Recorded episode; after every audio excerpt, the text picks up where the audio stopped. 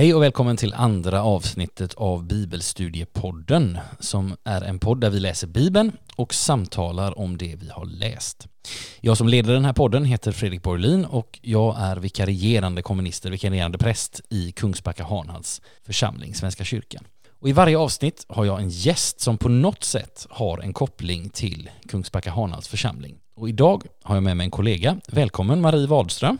Tackar, tackar. Roligt att ha dig här. Ja. Nu vet ju jag svaret på den här frågan, men det kan finnas andra som inte gör det. Vem är du och vad gör du i församlingen? ja, Marie heter jag och jobbar som församlingspedagog Aha. Kungsbacka Hanhals församling. Sen 18-19 år tillbaka. Jobbar med ungdomar Mm. i första hand. Konfirmander, pannkakskyrka, ungdomsledarutbildning. Eh, Också en del för vuxna, bibelgrupper och olika saker. Just det. Så man kan säga, du är en av de som har jobbat här längst, som jobbar här nu va? Ja, just nu är en av dem, ja. Ja. Det stämmer. Och jag är den som utan konkurrens har jobbat här kortast. Ja, när, detta, när detta spelas in eh, så är det dag 10. Gott att ha dig här. Känn dig varmt välkommen. Vi ska läsa Markus 2 idag. I förra avsnittet så sparkade vi igång det här projektet och min och Maries kollega Viktor var här och vi läste och samtalade oss igenom Markus evangeliets första kapitel. Idag följer som förväntat Markus kapitel 2. Men vi ska faktiskt börja med någonting annat för i förra avsnittet så lovade jag att vi skulle titta lite närmare på vem evangelisten Markus är. Och jag tänkte att vi ska göra det. Vi ska faktiskt ta och börja med det. Så jag tänkte att jag frågar dig Marie, vad vet du om Markus och vad tänker du på, eller om eller när du tänker på honom och på hans evangelium? Ja, jag är ju bibeläventyrare då. Så jag är ute på skolor och berättar om Bibeln. Okej? Och då får vi liksom presentera eh, Bibeln på olika sätt och vi presenterar de fyra evangelisterna. Ja, Och då gör man det med tecken. okej. Så att Matteus, det är Money Money, han var en, eh, vad heter det? Tullindrivare? Ja, nu står det still. Ja, det är ingen fara. Det är- härligt, det är med ändå pengar fredag. då. Ja. Ja. visst. Och sen hoppar jag över Markus då. Sen kom Lukas, han var läkare. Just det. man ett, liksom ett, han tar en spruta eller gör sådana här saker för att Ja. liksom komma ihåg det där. Jajamän. Och Lukas läkaren, han var mer forskare och jobbade efter Jesus och undersökte saker vad han hade gjort. Ja. Och Johannes var fiskare och så har man ett fiskespö. När man kommer till Markus då så gör man liksom en honnör. Okej. Och, och, man liksom, och jag har faktiskt funderat på det här så tänkte jag, ja men vad betyder det då? Vem var han? Ja men han var en av lärjungarna, men vad gjorde han? Nu får du berätta. Ja. Vad gjorde Markus? Ja, det är, vi, ska, vi ska titta lite på detta. Alltså man kan säga så här, jag tror att vi har nämnt detta förut, att en god allmän princip för bibelläsning, eh, det nämnde vi i förra avsnittet och det kommer vi säkert nämna igen, det är att se sig om i Bibeln. Det vill säga söka svar på Bibelns frågor i Bibeln själv. Och det kan vi faktiskt göra även när det kommer till att vi vill veta mer om evangelisten Markus. Det vi kan veta om Markus är att han var son till en Maria som hade ett hus i Jerusalem där de kristna brukade samlas. Det berättar Apostlagärningarna 12. Vi vet om Markus att han följde med Paulus på hans första missionsresa. Där omnämns han både i kapitel 12 och i kapitel 15. Och sen så blev han tolk, eller det kanske man snarare ska se som sekreterare, åt Petrus i Rom och det får vi veta i första Petrusbrevet 5. Och sen, en, om nu går vi utanför Bibeln, men en kyrkofader, tidig betydelsefull person i kyrkan kan vi säga, som heter Papias. Han skrev i början av hundratalet så här att när Markus blev Petrus tolk skrev han noga ner allt han kom ihåg av Kristi ord och gärningar, dock inte i ordningsföljd. Ja, det är intressant. Markus evangeliet är troligen skrivet i Rom och det är troligen skrivet först och främst för en, en läsekrets som inte var judar, tror man. Precis, det är ju lite olika hur de uttrycker sig och det ser man. Någon skrev till grekerna och någon, ja, han skrev till romarna. Ja men precis, Härligt. alltså Matteus är till exempel, han, han, han har ju många fler hänvisningar till gamla testamentet Mm. så han vill nog Mm. bevisa mer för judar som har liksom öppnat sig för evangeliet. Mm. Och man tror också att Markus skrev sitt evangelium på 50 eller 60-talet efter Kristus. Så sammanfattningsvis, Markus var en medarbetare i den tidiga kyrkan. Han kände Paulus, han kände Petrus, två av de allra viktigaste gestalterna i den tidiga kyrkan. Den ene, lärjunge till Jesus som vi vet, och den andra kommer in lite senare men fick ju en alldeles unik kallelse både som missionär och som författare till många av breven i Nya Testamentet, Paulus. Och de allra flesta forskarna de menar att Markus han är den första av de här fyra som du nämner Marie. Han är den första som skrev och många forskare menar också att både Matteus och Lukas de har använt Markus som underlag, en sorts förlaga när de har skrivit sina evangelier. Någonting i stil med, de har Markus framför sig och så tänker de, det här är bra grejer, men vi har hört lite till. Så vi lägger till det och så lägger de, och, och Marcus, han har hört, eller Matteus, han har hört sina grejer och Lukas, han har hört sina grejer och sen så har de också en gemensam källa. Vi ska inte gå in för, för lång, eh, allt för djupt i detta, men redan där har man en bra ingång till hur kommer evangelierna till? Och sen Johannes då, den fjärde, jo han står för sig själv. Och det märker man också när man slår upp hans evangelium, att det är något helt Okej. annat. Och det här är ganska intressant, ja det tycker i alla fall jag. Men jag tror att vi, vi spar det där med, med, med att gå in allt för mycket i det där till en annan gång. Eller, ja, eller kanske till någon gång när vi ses. Det hade varit roligt att också kunna ses och studera Bibeln tillsammans. Just nu kan vi inte göra det och därför gör vi vad vi kan. Så jag tycker det är dags att vi drar igång med läsningen av Markus 2. Och nu gör, nu gör Marie ett tecken, hon kniper sina händer. Så det ska vi göra. Det är också en sån här bra grej. Vi försöker lyfta lyfta tips till bibelläsning. Alltså en sak att verkligen göra när man läser Bibeln, att ta en stund både av tystnad men också av bön, att, att bjuda in, för när vi kommer till Bibeln så kommer vi dit med förväntan. Vi vill ju inte bara läsa för att liksom ha läst, utan läsa för att läsa och för att, för att få vägledning och då är det gott att få be. Så jag, jag leder oss i en kort bön nu som du gärna får använda också. Låt oss be. Kära Herre, så ber vi dig att du öppnar våra hjärtan för ditt ord och att du öppnar ditt ord för våra hjärtan. Amen. Amen. Amen. Ja, det är gott, för hur det än är så är det inte så enkelt. Nej, det är är inte det. där, liksom, och många gånger den bästa, en av de bästa bönerna jag vet är hjälp. Ja, Hjälp. Vad är det här? Vad, vad vill du nu? Vad, vad ska jag, hur ska jag förstå? Vad är det här? ja.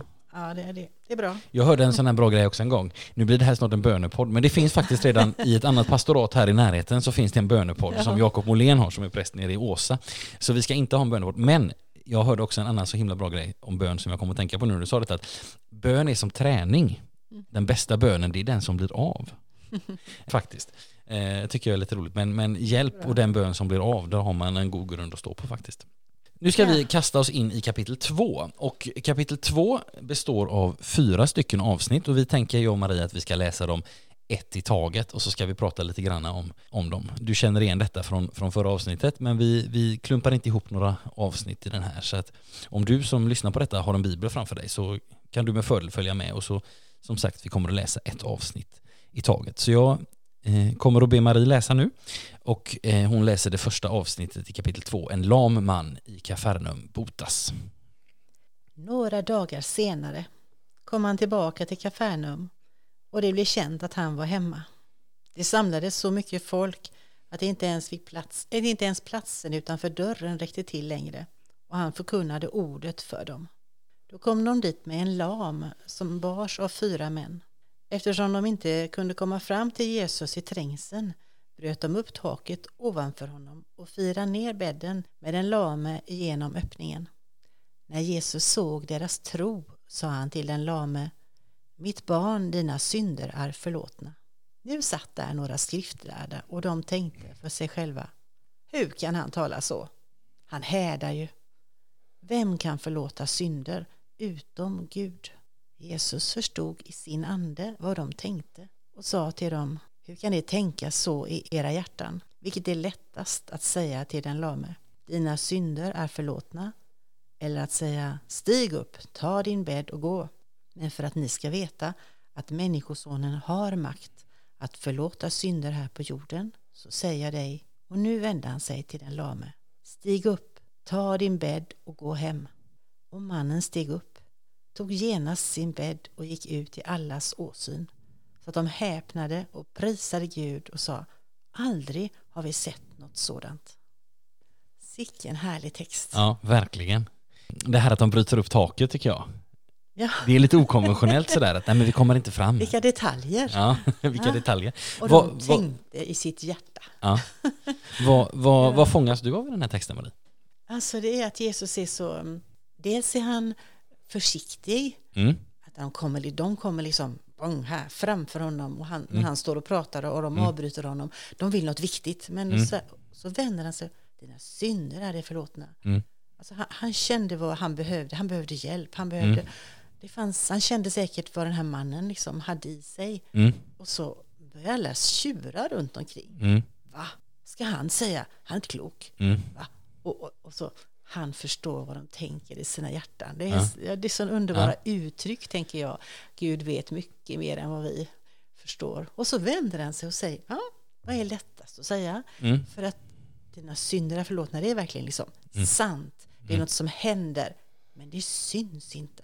Men att säga, ställ upp, ta din säng och gå och bli, mm. liksom, bli helad, det syns på utsidan. Ja. Det andra är ett helande på insidan. Och då liksom, för att ni ska förstå att det är sant. Ja. Och så visar han det. Ja. Och, ja, jag tycker det är sån omsorg. Först insidan, sen utsidan och sen ah, han liksom skyddar mannen från alla ja. de andras eh, sura tankar och förtal och sådana saker. Ja.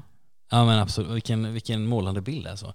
Jag tänker, jag tänker också på det här att, att man kan tycka att men, men det var väl inte hans synder han kom dit för. Alltså sådär, och jag tänker att det, det där säger någonting också om liksom allmänna behov och särskilda behov. Alltså att, att vissa personer, de behöver liksom konkreta påtagliga helanden. Mm. Eh, och det, det, jag tror att vi, det tror jag vi alla behöver någon gång liksom, mm. under våra liv, minst. Men alla behöver förlåtelse.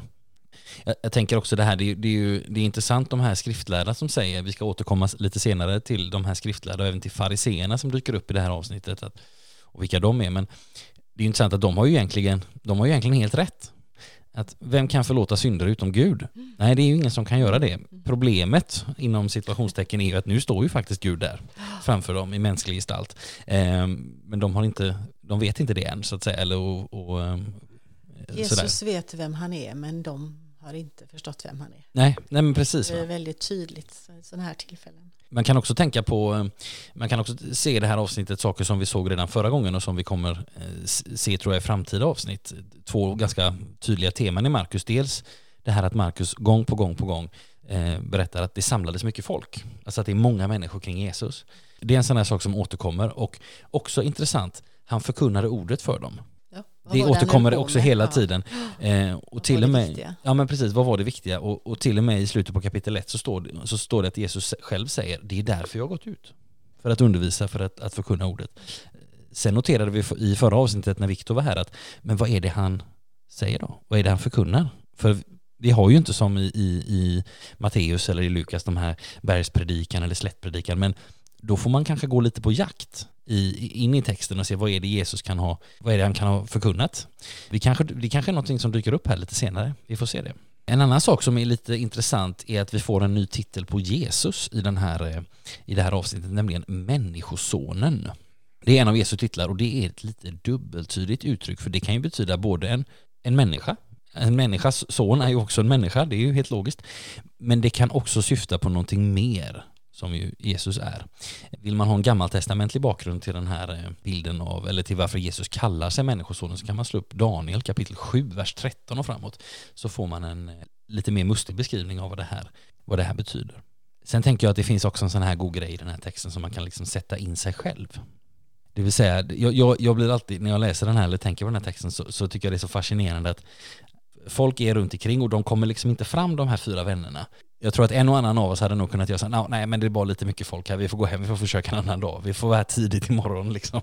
Men, men det gör inte de, utan de går liksom upp på taket, bryter sig ner eh, på något sätt. Va? De, och, och, så står det att Jesus han såg deras tro.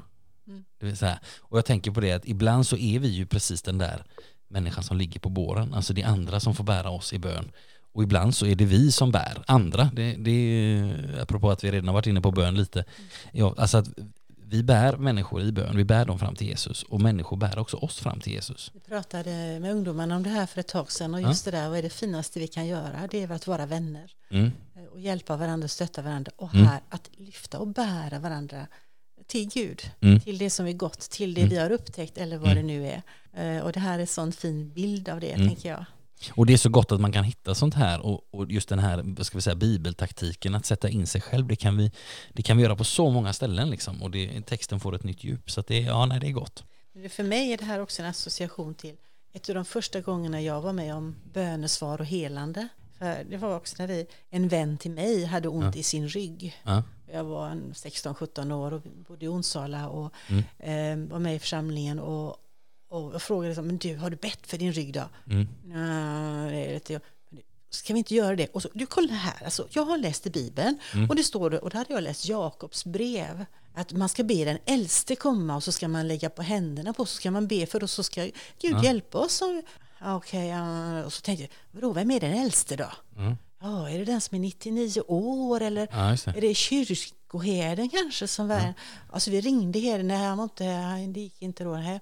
Ehm, Alltså, men det måste ju vara någon utav prästerna i alla fall. Ja. Och så fick vi tag i då, typiskt nog den yngsta av alla prästerna. Då. Okej, ja. Men så sa vi, du, alltså vi skulle vilja be för, för henne och hennes rygg. Kan du hjälpa oss?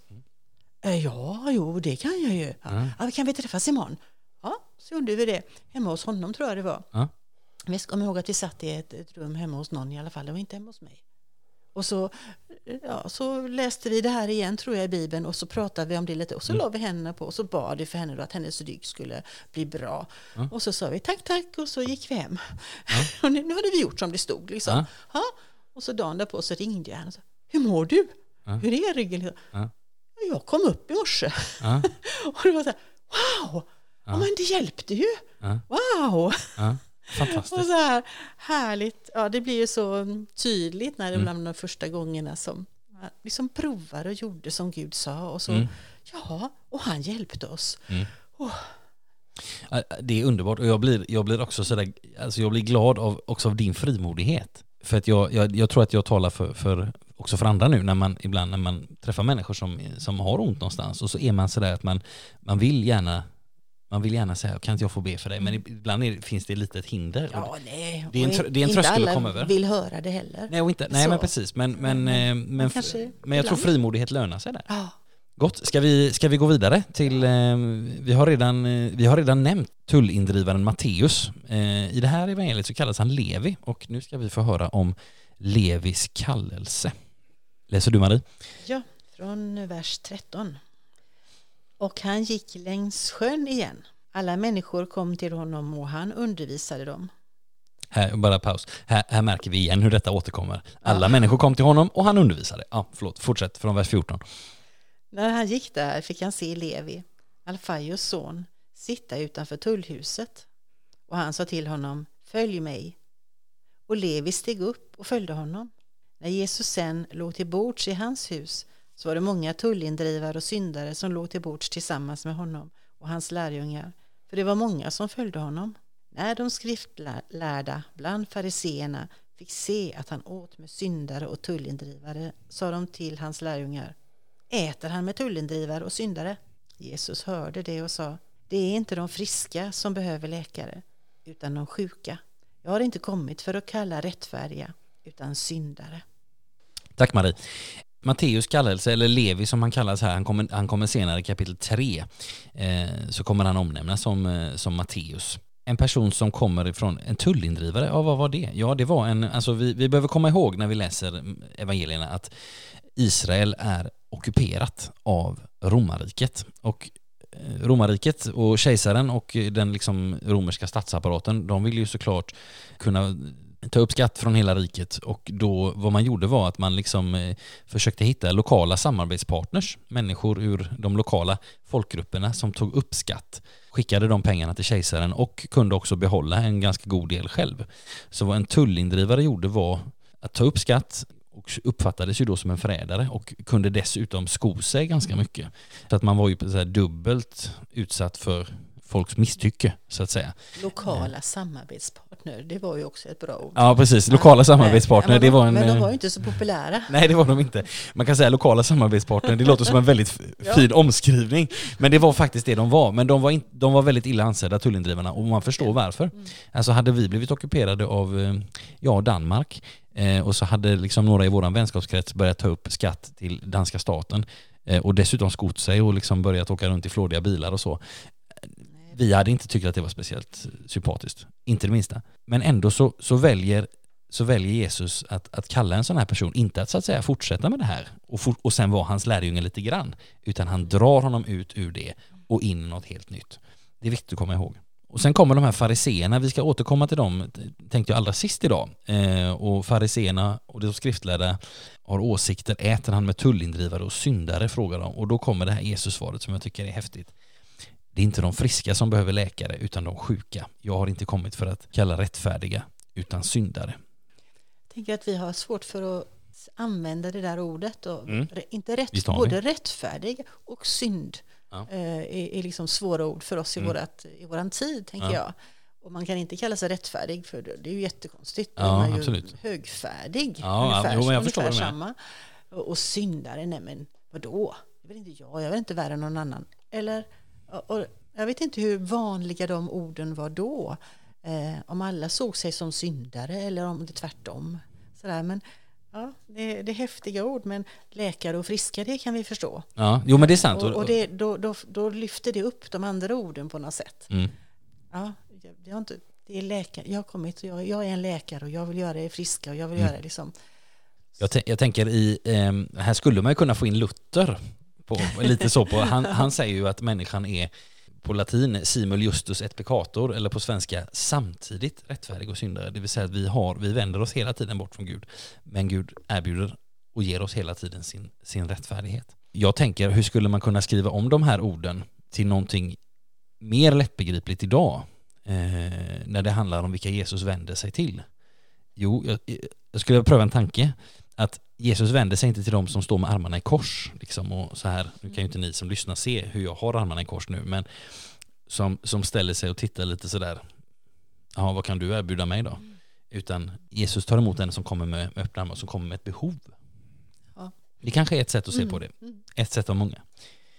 Som går till sjukhuset. Ja, men som går till sjukhuset, som precis. inte går förbi eller tänker jag klara det här själv. Mm. Ja, men precis. Ska vi gå vidare? Då ska Marie läsa för oss Bröllopsgästerna fastar inte. Johannes lärjungar och fariseerna fastade. Då kom några och frågade honom varför fastar Johannes lärjungar och fariseernas men inte dina lärjungar? Jesus svarade, inte kan väl bröllopsgästerna fasta medan brudgummen är hos dem. Så länge de har brudgummen gummen hos sig kan de inte fasta. Men det ska komma en tid då brudgummen tas ifrån dem och när den dagen är inne kommer de att fasta. Ingen syr fast en bit okrympt tyg på ett gammalt plagg. Då sliter det nya tyget med sig det gamla och det blir en värre reva. Ingen häller nytt vin i gamla vinsäckar för då spränger vinet sönder vinsäckarna och både vinet och säckarna förstörs. Nej, nytt vin slår man i nya säckar. Tack så mycket. Vad tänker du på när du läser den här texten?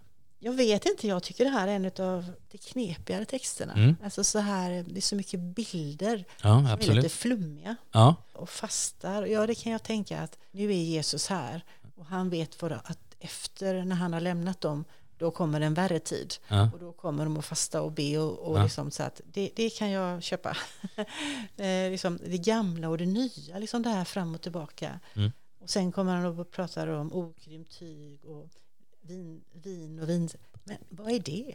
Jag tänker, här finns ju, som, precis som du säger, det finns ett antal bilder som vi behöver reda ut. Dels så handlar det ju om det här med, med brudgummen. Brudgummen som precis som människosonen som vi var inne på innan är ett namn på Kristus eller en bild för, för Kristus. I, I Gamla Testamentet finns ju många, finns den här bilden av ett bröllop mellan Gud och Guds folk.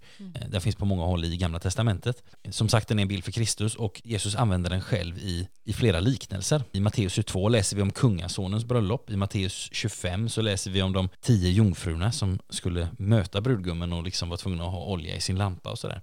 Och sen så finns det, det är nog min favorit, Johannes 3, där Johannes döparen pratar om sig själv som brudgummens vän. Ja, det är härligt. och det är klart, vi kan tänka att liksom, nu är det inte så mycket bröllop man går på just i coronatider. Men, men eh, just det här att man, man fastar ju inte när det är bröllop. Alltså om man håller på med en sån här 5-2, jag vet inte hur populärt det är numera, men då lägger man inte en av sina två dagar när man äter väldigt lite om man ska gå på bröllop. Det är orimligt liksom. Det kommer en tid sen. Ja men precis, det kommer, det kommer en tid sen. Då kan man, säger. ja men exakt. Men, men det här är en ganska, som sagt en ganska vanlig bild och som, som, som Jesus också använder i sina liknelser. Och sen är den här bilden av, av det gamla och det nya. Om det okrympta tyget eh, på det gamla plagget och det nya vinet i de gamla säckarna. Jag tänker att Jesus han pratar liksom om någonting dubbelt som är gammalt och någonting dubbelt som är nytt. Och att på något sätt att det nya som Jesus kommer med, det nya som Gud gör i Jesus innebär en, liksom en ny ingång. Det innebär nya uttryckssätt, det innebär ett, i någon mån, ett, eller ganska mycket, eller väldigt mycket, ett nytt sorts liv med Gud. Och, och då innebär det att när någonting liksom på insidan i det andliga är nytt så behöver också det yttre ta sig en ny form. Alltså livet med Gud som levs bland människor synligt behöver också ta sig ett nytt synligt uttryck när det osynliga som Gud gör är också någonting nytt så att säga. Jag vet inte, det kan vara ett sätt att förstå. Jag tycker Ja, själv att alltså, den här är krånglig. Ja, det är den. Det Mm. är den liksom för det. Och jag tänker, vad betyder det för den som levde på 1700-talet? Ja. Eller för den som levde på 500-talet? Ja. Eller nu då? Mm. Eh, Och vad är det som det gamla plaggen och vad är det nya? Ja. För att det som man, jag tänker att ja, om kyrkan då är det gamla plagget Mm. som har varit med länge Mm. och så förändras det och förnyas det och förvandlas människor och så och så vill man sjunga nya sånger på 1700-talet. Mm. Hur uttryckte man sig då och fick man Mm. vara med? Mm. Och hur är det nu? Ja. Liksom? Och just det där gamla former och nya former, alltså hela tiden Mm. så uttrycker vi oss på nytt sätt. Ja. Och, och ungdomarna fattar inte vad jag säger, för liksom, det är fel ord, eller vad är det för musik, eller nej det där var väl inget. Ja. Och då, då passar inte de ny, det nya in i det gamla. Nej. Eller eh, hela tiden kämpar vi med det på Ja. något sätt. Och, och vad, vad vill Jesus säga då? Vad, Ja men på något sätt ja, så det, tänker jag jag att tycker det är klurigt. Ja, på något sätt så tänker jag att Jesus, att ett sätt att förstå det här, det kanske är just det här att nej men, försök inte, när det du kommer någonting helt nytt, försök inte att liksom inkorporera det med ditt, med ditt gamla. Tvinga in Tvinga liksom. inte in, det, utan, utan pröva en ny form. Mm. Liksom. Nej, man kan. Jag hörde, ett, jag hörde ett, faktiskt ett, ett roligt ordspråk för en tid sedan på, den här, eh, på det här temat. Det var en, en, eh, en, människa, en äldre kvinna som levde efter devisen att bodde på en bondgård då, eh, och varje år då när det var dags för julslakten av eh, liksom julgrisen så, där, så, så skulle alltid frysen frostas av innan. För man kunde inte ha en ny gris i gammal is. Tycker, och- eller, eller om det möjligen var en ny gris i en gammal frys. Eh, Men ja, du, för, ni du förstår Marie och ni som lyssnar förstår också. Jag tycker det är på ett sätt, det är på ett sätt att säga det som Jesus säger här. Ja, Att ha det. inte en ny gris i gammal is. Sen Det är det blir inte... dåligt. Vad sa du? Då blir det dåligt. Ja, men då blir det dåligt. håller inte. Sen kan man ju fundera på det här eh, som Jesus säger att men den dagen kommer när brudgummen tas ifrån dem. Ja. Den dagen så kommer de att fasta. Mm. Det där är också någonting som är olika för olika, olika kristna och i olika samfund också tror jag är olika levande. Hur mycket, liksom vad fastan är och, och sådär. Vad är, vad är din erfarenhet av fasta? Ska inte jag, det är inget fasteförhör här men, men vad, vad, dina tankar och hur brukar du tänka i fastetid? Fasta är ju att avstå från någonting. Ja. Och avstå från mat är, är, är det ju de som liksom, det är ofta hälsoaspekter och så Mm, liksom man mm. tänker. Men jag tänker mer att fasta handlar om att istället för kunna be eller liksom använda tiden till något annat. Mm, mm, Så det har varit olika perioder. Man kanske fastar från att inte fika så mycket eller mm, godis är jätteenkelt Mm. för det äter jag aldrig. mm. Men alltså, fasta är att avstå från någonting för att göra någonting mer. Men jag, nej, jag är ingen fastemänniska. Inte, inte i den där eh, fysiska betydelsen. Nej. Och inte äta och så, Mm. bara dricka. Men det, jag har vänner som gör det. Mm. För just när man vill be för olika saker som är väldigt viktiga. Mm. Och det fungerar för dem och ger dem styrka eller liksom känner en uppmaning i det. Men Mm. jag var ingen, det är inte mitt, mitt sätt liksom. Nej. Nej men jag tänker när man, när man börjar diskutera fasta och, och när det här sänds så är det faktiskt inte jättelång tid kvar tills fastan Nej. börjar.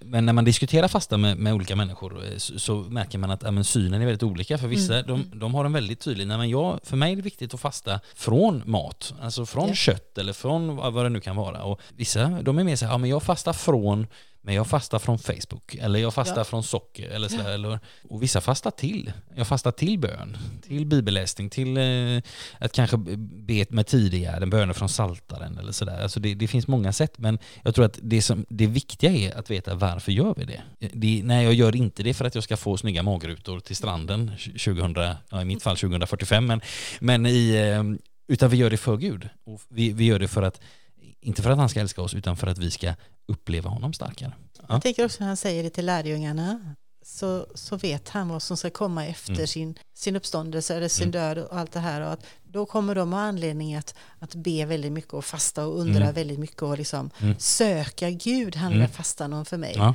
Och det kommer de att ha anledning att göra senare. Men Mm. nu är det inte läge för det, Nej. säger han här då. Men de visste väl inte vad det var men, och förstod, men han kunde se längre. Absolut. Och sen blev det en styrka för dem istället, eller en förtvivlan för dem så att de, så de fick gå igenom och Mm. hämta styrka på ett annat sätt. Vi kan komma ihåg att Jesus fastade också. I kapitel 1 så, så är ju faktiskt Jesus ute i öknen för att eh, sättas på prov eh, av Satan och han fastar i 40 dagar och 40 nätter. Första kyrkan var det många också som fastade sådär just spe, späka sig liksom Mm. har jag förstått. Mm. Alltså när man lä- ja, kyrkofäder och gamla Mm. profeter och allt vad det kan Mm. heta. Intressant tycker jag för Mm. någonting som tydligen ger dem styrka liksom och eh, andlig styrka men som Mm. vi har tappat bort Mm. i de aspekterna väldigt Mm. mycket. Ja men verkligen. Ämnet fasta tycker jag det, det är spännande och det är också en sån här sak att, jag tror att upptäcka också att komma till vad, vad, vad passar för mig? Mm. Liksom, Mm. att, att eh, våga tala om det här och att också tänka att nej, men Jesus säger inte att om du vill fasta, utan när, då kommer de att fasta. Alltså att, att ta det som en utmaning för vår skull. Allt i evangelierna är för oss, liksom. Eh, inte, för, inte för Guds skull, utan för vår skull. Eh, så det är någonting att upptäcka. Ska vi se, vi har ett avsnitt kvar som handlar om hur lärjungarna plockar ax på sabbaten. Man kan säga som en liten, en litet sätt att summera, det kunde vi ha sagt i början och vi kan säga det i slutet av det här avsnittet, men vi kan också säga det nu mitt i, att det är ganska uppenbart att ett sätt att summera kapitel 2, när Markus skrev det här så satte han ju inte ut några kapitel och verssiffror utan det kom ju kapitelsiffrorna i Bibeln kom ju några hundra år efter Eh, och de små siffrorna, verserna, de kom ju ytterligare några hundra år efter. Men, men nu har vi fått kapitel och, och verser för att kunna hitta och komma ihåg bättre och då ska vi använda det för det tänker jag att det, är- det är gott för oss. Och om man ska säga någonting som sammanfattar kapitel två så tänker jag att det är konfrontation. Alltså Jesus han är i konfrontation med de skriftlärda och med fariseerna på något sätt. Det var i den första texten vi läste så är det det här med att inte bara förlåta synder utan också när han säger till den lame ta din bädd och stig upp. Stig upp, ta din bädd och gå hem. Och sen så är det fariséerna som, som säger äter han med tullindrivare och syndare och då är det en konfrontation igen. Och sen så kommer det några då och undrar Johannes lärjungar och fariséerna och Varför de gör fastar de och- så? ja, Varför precis, och- och där kommer ju faktiskt Johannes döparen tillbaka, eh, intressant nog. Mm. Men, och då är det konfrontation där. Och nu, eh, den fjärde och sista avsnittet som vi ska läsa, då är det också konfrontation. Jesus är lite obstinat ibland. Ja, men på något sätt. Han Och, behöver och, visa att, eh, men fatta då. Ni, Ja. har, ni rider på Guds ord liksom åt fel håll. Ni, ja, ja. ni använder Guds ord för att slå andra i huvudet men då slår han tillbaka på något sätt. Ja, här. jo, men, ja, jo, men lite. Mm. Ja, vi ska höra här då, Ja. vad han säger.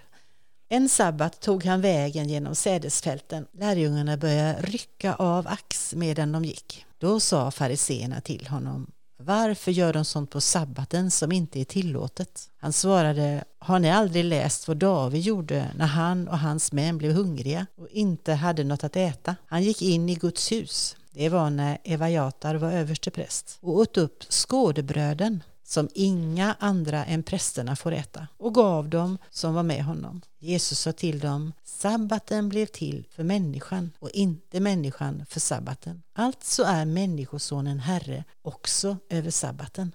Tack så mycket. Ja, nu är det konfrontation igen. Jesus och hans lärjungar är ute och vandrar på en sabbat och de börjar rycka av ax medan de gick. Och då kommer fariseerna och så säger de till honom varför gör de sådant som inte är tillåtet? Och då kan man fundera på vad är det då som inte är tillåtet?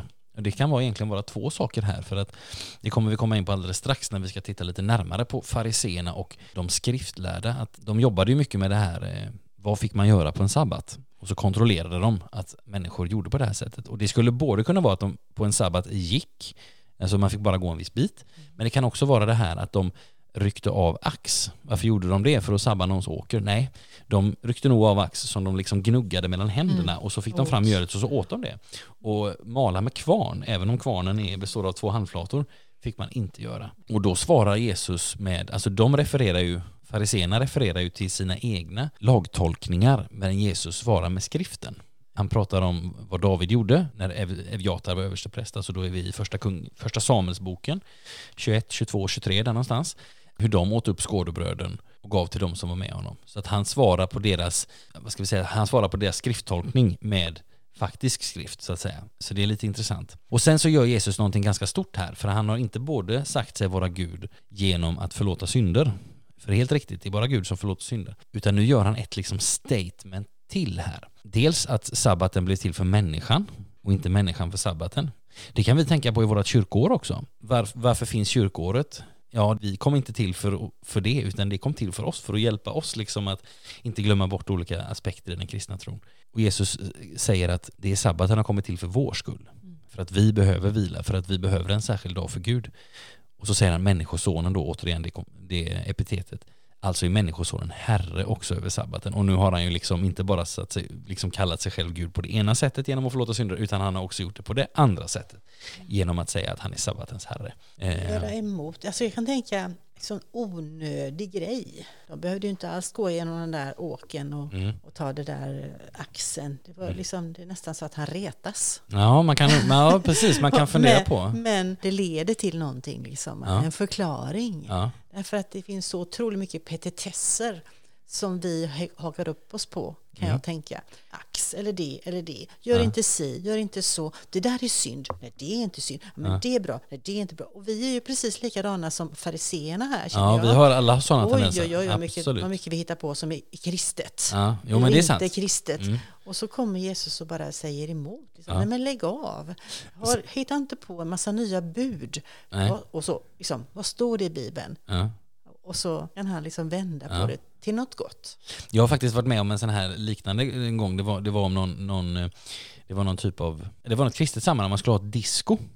Eh, det här var ganska många år sedan och eh, man skulle lyssna liksom, och det var dans och det var så här, och då när det här, det var någon artikel om detta och då var det någon då som sa att det här, det, ska det här vara liksom i kyrkan och vad är det? Och då var det någon annan som bara liksom bara bam gick in sådär ja fast när David, när arken fördes tillbaks till där i den och den Eh, nu har jag inte bibelordet, då dansade David extatiskt. Liksom. Så att det, alltså, just det här att, vadå inte dansa? Eller alltså... Det är bra att kunna sin bibel. Då är det väldigt bra att kunna sin bibel. tala om för mig vad, vad, vad som är kristet och inte. Mm. Ja men precis, så att precis som människosonen är herre över sabbaten så kan vi bli herre över vår egen bibelkunskap. Ja. Eh, skulle, man, skulle man kunna säga. Vi har pratat en ganska bra stund nu och vi har pratat oss igenom eh, de här fyra avsnitten i Markus 2. Eh, men vi ska göra en liten, liten djupdykning också i de här för att, nej jag måste säga en sak till som är lite rolig med den här lärjungarna plockar ax på sabbaten. Om det nu är så i den här texten att det är ett problem att lärjungarna och Jesus har gått för långt, alltså liksom promenerat en för lång sträcka. Då kan man undra, men hur kom fariseerna dit på en sabbat? Vad gjorde de där? För de fick ju inte heller gå så långt. Det där är en slamkrypare, men, men det, är, det är en lite rolig detalj. Vad gjorde de där? De satt där vid vägen och det studerade. Kanske, ja, det kanske de gjorde. Kollade. Men vi ska, vi ska bara göra oss en liten fördjupning ner i de här två grupperna, eh, de skriftlärda och fariseerna, för de återkommer igen och igen och igen och de är ofta så är de på kollisionskurs med Jesus, men det är de inte alltid. Johannes två eller tre så är det Nikodemus som tillhör Stora rådet och som också är en liksom högt uppsatt juristman som är en lärjunge till Jesus i hemlighet och det finns också andra exempel. Men vad, vilka är då de skriftlärda? Jo, de skriftlärda det är ett slags, kan man säga, professionella studenter. De är lagens och traditionens väktare och de utarbetar, det var lite det de höll på med, de liksom utarbetar exakta föreskrifter för alla tänkbara tillfällen. Lite som du var inne på Marie, det här att liksom ta en lag och sen så applicera den. Och... Vilka pratade vi om nu? Nu pratar vi om de skriftlärda. Är, är det de som är mest konservativa? Ja, det här har inte så mycket med konservativ... Alltså man kan säga så här att de här också, vi kommer liksom att höra detta, att de här, de här båda grupperna de hänger ihop kan man säga. Okay. Ja, det är inte eh, så för, stor skillnad på dem. Nej, och den ena hör till de andra kan man säga. Jag, jag kommer till det mm. alldeles strax här, men, men de skriftlärda de utarbetade föreskrifter för liksom livets alla tillfällen. Och yeah. ett jättebra exempel på detta det är vilodagen eller sabbaten. Att, ja, men om Gud har sagt att det ska vara en helig dag som vi ska helga, men vad får man göra då? Och vad får man inte göra? Får man gå? Får man cykla? Alltså mm. den typen av frågor som, som faktiskt kan vara en god vägledning. Men den kan också bli absurd. Lite grejen var att man utvecklade liksom mer exakta regler för att liksom beskriva vad är tillåtet och vad som inte är tillåtet. Det var sånt som skriftlärare gjorde. Mm.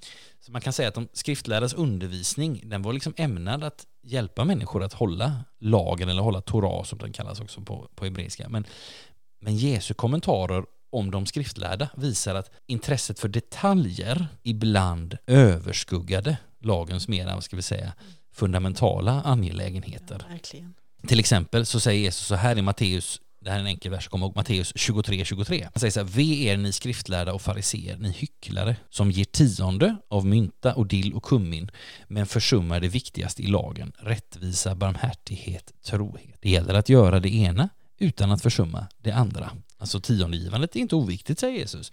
Eh, men du kan inte glömma rättvisan, barmhärtigheten, troheten. Och här i Markus evangeliet som vi kommer, eh, så kommer vi när vi kommer till kapitel 7 att stöta på ett avsnitt som också behandlar just det här att Jesus är på, på kollisionskurs med de skriftlärda. Avsnittet som i alla fall i min bibel har överskriften Guds bud och människors regler och det tycker jag är en bra sammanfattning. Men vi, vi ska vänta med det avsnittet tills vi kommer dit. Vi ska inte prata Markus 7 när vi pratar Markus 2. Sen har vi fariseerna och det är inte ovanligt att bibelläsare uppfattar fariseerna som ett gäng självgoda hycklare. Mm. Men det var inte så de flesta judar på Jesu tid såg på nej, dem. Det var det inte. Fariseerna, de var liksom, vad ska vi säga, religiösa idealister. De var entusiastiska, de var hängivna, det är bra. De ville bevara och lyda lagen och så ville de ivrigt, det, det är här det kommer in, de ville ivrigt uppmuntra andra till att göra samma sak. Så att de, vill, de ville att andra skulle leva som, som de lärde och som de säkert också levde många gånger.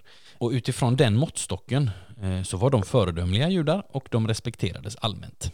Paulus, som innan han blev eh, lärjunge till Jesus eh, snarast var en motarbetare, innan han blev medarbetare, han säger så här om sitt tidigare liv. Jag blev omskuren på åttonde dagen. Jag, jag är av Israels folk och Benjamin stam, en hebré, född av hebreer, i laglydnad en farisé, i trosiver en kyrkans förföljare, i rättfärdighet efter lagen en oförvitlig man säger han i Filipperbrevet 3. Alltså, han, han har själv levt i livet, men sen har han Liksom, sen har, fick han ett möte med Jesus. Och de flesta skriftlärda, och det är nu vi kommer till hur de hänger ihop, de, flest, de flesta skriftlärda de tillhörde fariseernas parti, för det var liksom lite som en folkrörelse och många skriftlärda var liksom en del av det. Och jag tror till och med ibland så läser man att de skriftlärda bland fariseerna, så det, det talar också evangelierna om. De är samma fast ja, precis. Man kan, Ja, men man kan säga att om fariseerna är man kan säga så här att, att de, de, om fariseerna är ett politiskt parti så är de skriftlärda en, inte en lokalavdelning, för det är inte geografiskt betingat, men mer kanske intressegruppen för ja. någonting inom det partiet kan man säga. Det är från de här grupperna som det här, liksom, vad ska vi säga, den här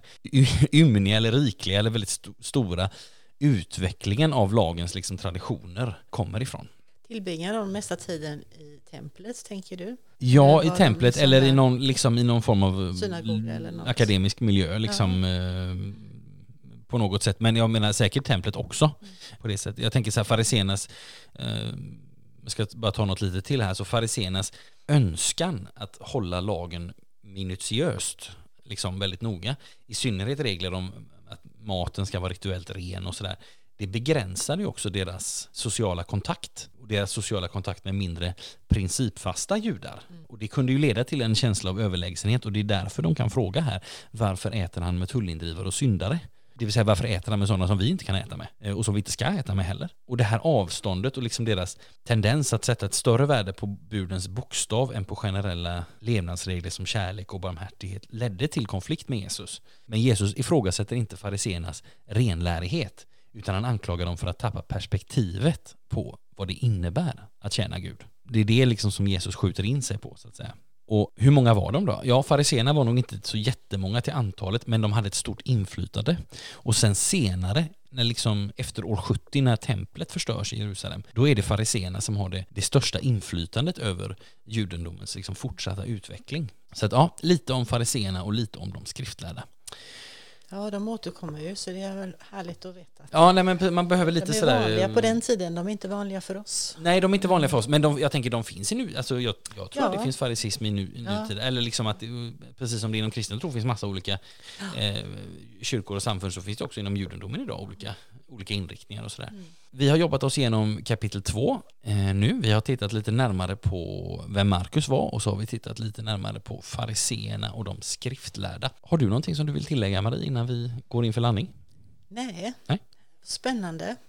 Så jag tackar för detta. Du, och jag tackar dig för att du kom hit och ville vara med. Jätteroligt. Vi gör så här att vi avslutar nu. Allt gott till dig som lyssnar och välkommen att lyssna på nästa avsnitt då vi ska läsa Markus 3 tillsammans med Ann Olsson som också finns här i Kungsbacka församling. Tills vi hörs nästa gång, var rädd om dig. Allt gott. Guds välsignelse. Hej.